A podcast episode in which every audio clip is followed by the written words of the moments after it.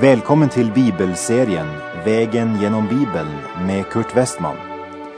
Vi håller nu på med Andra Konungaboken. Slå gärna upp din bibel och följ med. Programmet är producerat av Norea Radio.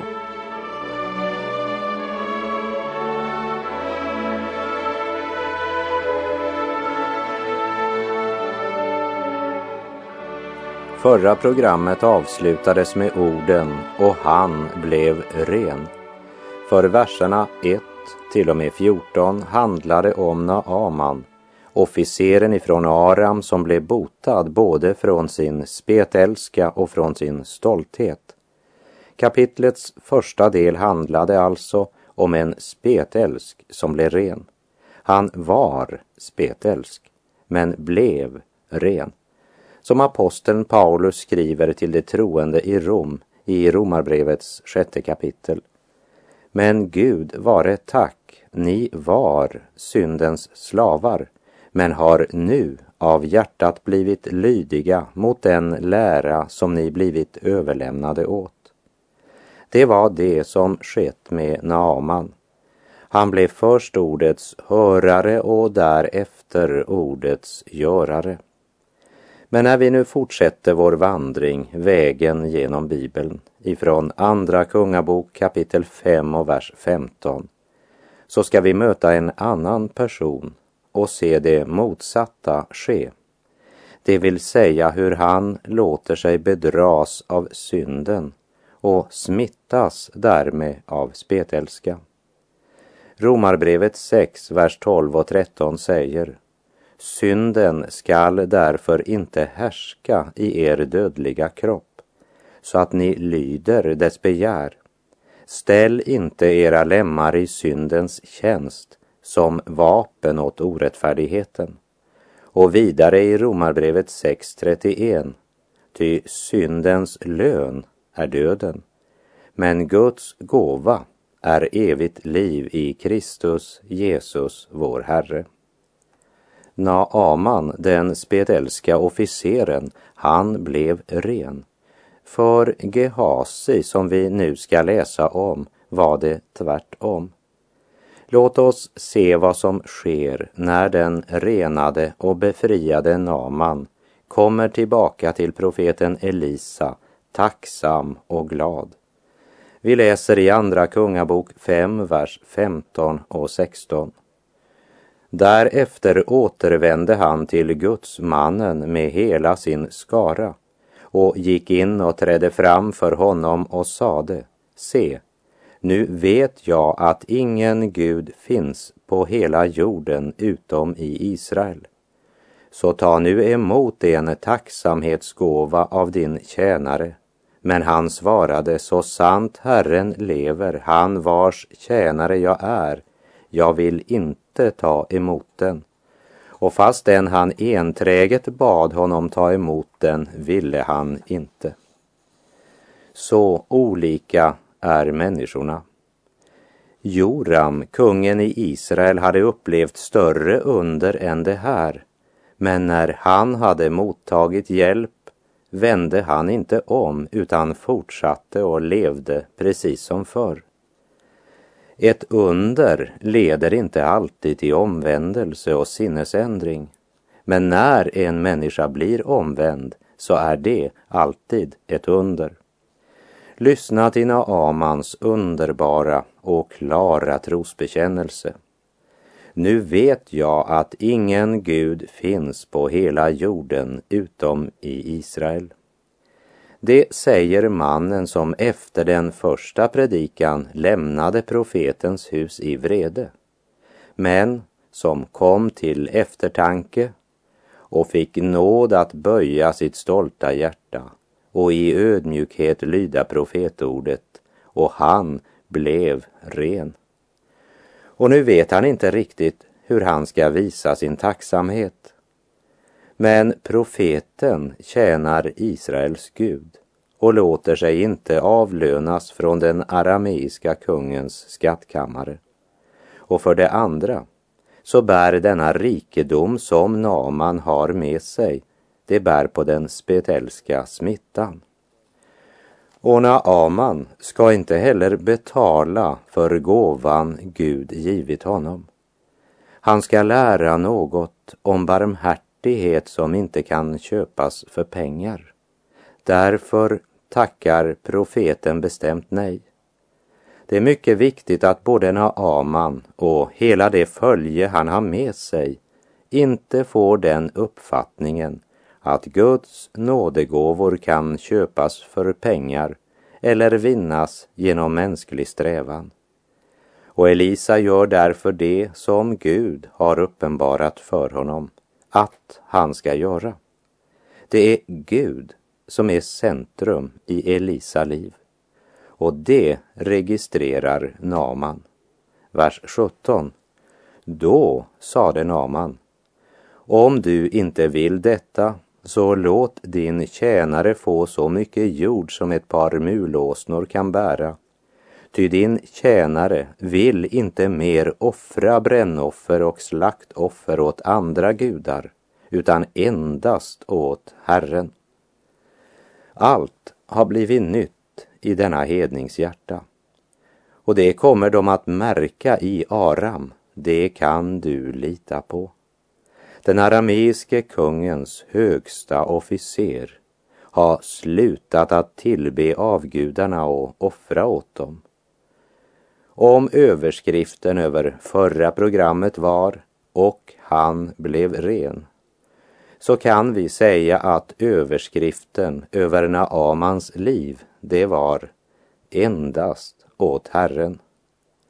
Och Naamans önskan om att härefter endast tjäna Herren visar att hans kroppsliga helande följdes av ett själens helande och hjärtats förvandling.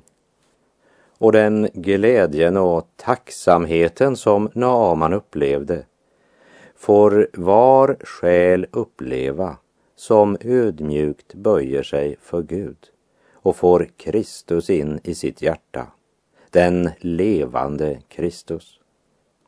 Romarbrevets femte kapitel, vers 10 säger Ty om vi, medan vi var Guds fiender, blev försonade med Gud genom hans sons död, hur mycket säkrare ska vi då inte bli frälsta genom hans liv när vi nu är försonade? Och sällhet stor som Herren ger en här på denna jord. I nåd han stöds till barnen ser, dem föder vid sitt bord. Hans nåd är ny var dag och stund och evigt fast står hans förbund. Halleluja, halleluja,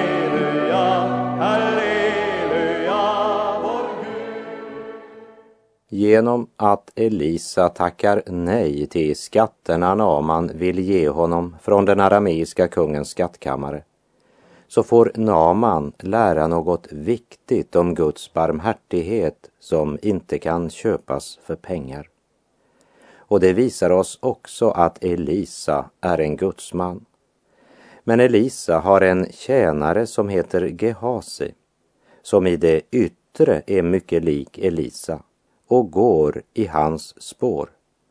Men Gehasis hjärta är ganska upptaget av silver och guld. Och när Elisa säger till Naman i vers 19, far i frid, så reser Naman. Men när han har rest ett stycke på vägen så läser vi följande i vers 20. Då tänkte Gehasi, gudsmannen Elisas tjänare, se min herre har släppt denne Naaman från Aram utan att ta emot av honom vad han hade fört med sig. Så sant Herren lever, jag vill skynda efter honom och söka få något av honom. Trots att Gehasi var profeten Elisa tjänare så var han mycket upptagen av sig själv och vad han kunde tjäna på. Gehasis vittnesbörd till världen var klart. Jag har valt att göra sällskap med Guds enkla vandringsmän. Men sanningen var att det fick inte kosta honom för mycket. Hans hjärta var världsligt samtidigt som han praktiserade sin religion och bekände tron på Gud. Och när Gehasi står och ser på tio talenter silver, sex tusen siklar guld och de flotta högtidsdräkterna, då börjar Gehasis hjärta att slå fortare. För han har inte förstått något av principerna i Guds rike. För honom är undret viktigast och efter undret kommer guldet. Ja, egentligen kommer väl kanske guldet först. Men han ser ju att det kanske kan vara ett visst sammanhang mellan dem, mellan undret och guldet. Han har inte ens märkt att Naman blivit befriad från sin stolthet, vilket var det största för Gud. Men det är andra ting som upptar Gehasis hjärta och tankar. Som det står i första Johannes brev kapitel 3, vers 10. På samma sätt är det uppenbart vilka som är Guds barn och vilka som är djävulens barn. Den som inte gör det rätta är inte av Gud.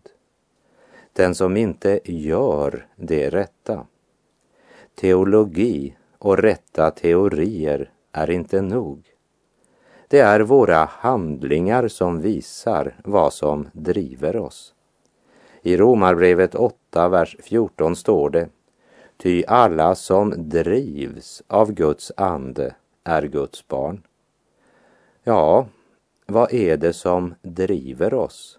Vad är det som upptar våra tankar? Under profetlärjungens mantel bar Gehasi en längtan efter jordisk rikedom.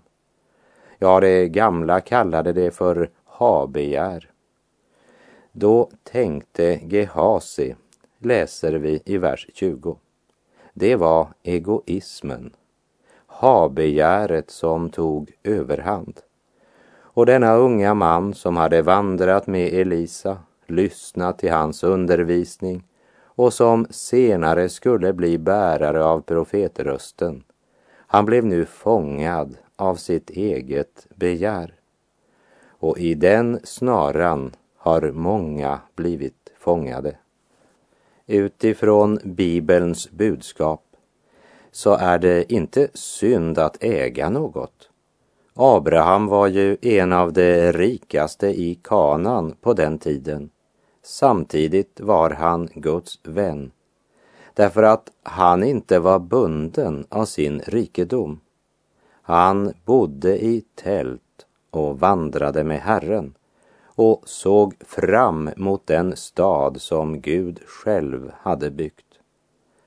Också i Sverige har jag mött sådana som var mycket välstående men drivna av Guds ande och lösta så att de kunde tjäna Gud med sin rikedom. Gehasis synd, det var personligt begär och hans tankegång var jordisk.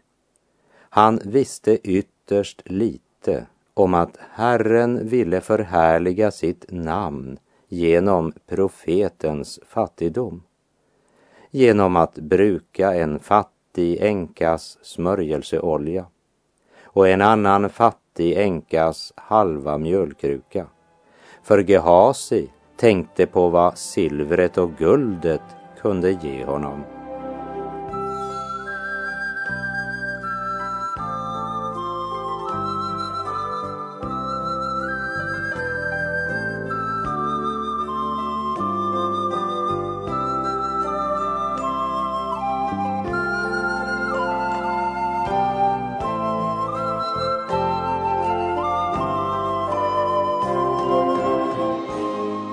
Gehasi såg rikedomen och högtidsdräkterna som Naman hade fört med sig från den arameiska kungen. Han såg och greps av begär.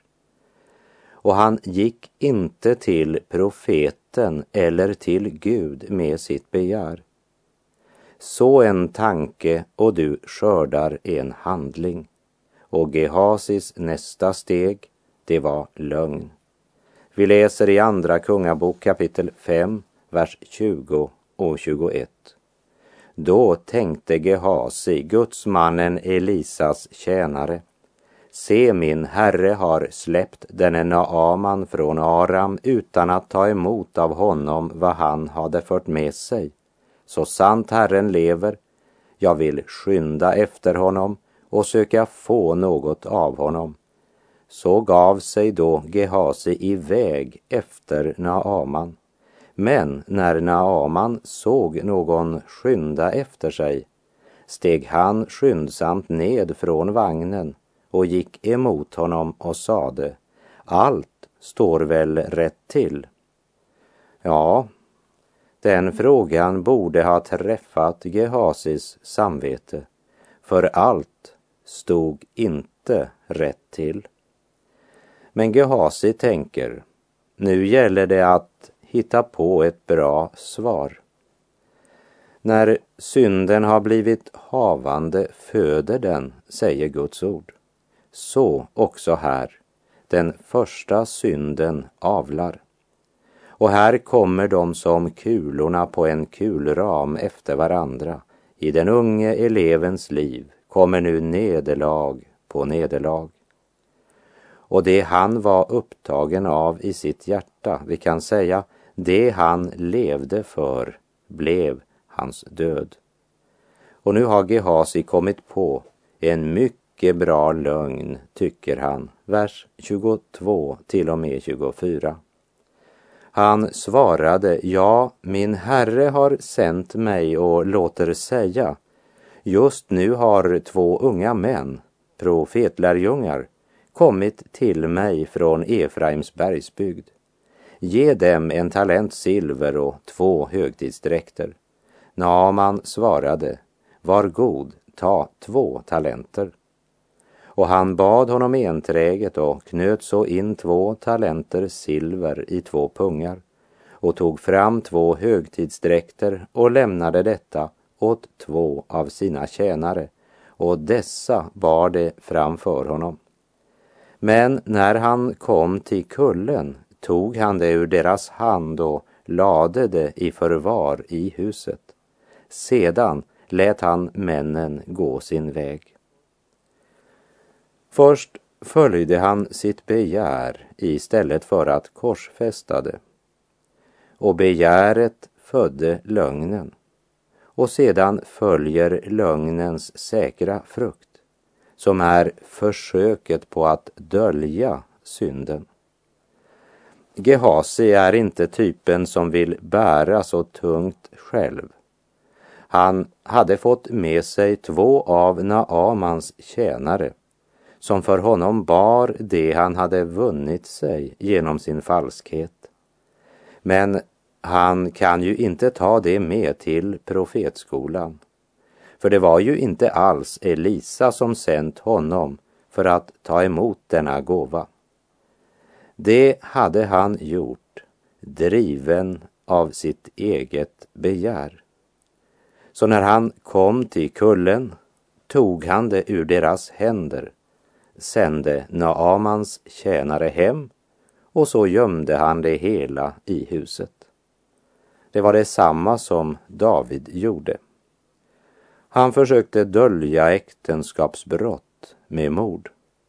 Han eh, ville täcka över det första fallet med ett lik. Men eh, David böjde sig lyckligtvis för profeten Natan, fick förlåtelse och blev upprättad från sitt fall. Medan Gehasi däremot fortsätter på nederlagets och därmed på förtappelsens väg. Han har nu tagit så många steg att han börjar bli förblindad.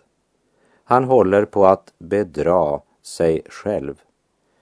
Hör hur frimodig han är när han träder fram inför profeten vers 25.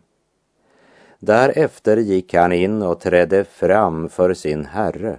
Då frågade Elisa honom, varifrån kommer du, Gehasi? Han svarade, din tjänare har inte varit någonstans. Ja, det är många som bygger sin trygghet på det de tror ingen vet något om. Men den tryggheten tar slut en dag. Var har du varit? Jag, säger Gehasi. Nej, nej, jag har inte varit någonstans. Dolda synder förhärdar hjärtat. Och därför att det inte är någon ånger, ingen nöd, inga tårar över fallet, så blir det inte heller någon upprättelse. Bara dessa outsägligt trista ord ifrån profeten Elisas mun som vi läser i verserna 26 och 27. Då sade han till honom, menar du att jag inte i min ande var med när en man vände om från sin vagn och gick emot dig? Är det nu tid att du skaffar dig silver och skaffar dig kläder, likaså olivplanteringar, vingårdar, får och fäkreatur, tjänare och tjänarinnor. Nu då Naamans spetälska kommer att drabba dig och dina efterkommande för evigt. Så gick denne ut från honom, vit som snö av spetälska. Profeten förkunnar för Gehasi att han inte bara visste vad han hade gjort, men han visste till och med vad han tänkt köpa. Gud önskade att Naman skulle återvända hem till kungen i Aram med all den rikedom han hade sänt med. Och när kungen då frågade, har du inte betalat för dig, gjort rätt för hjälpen?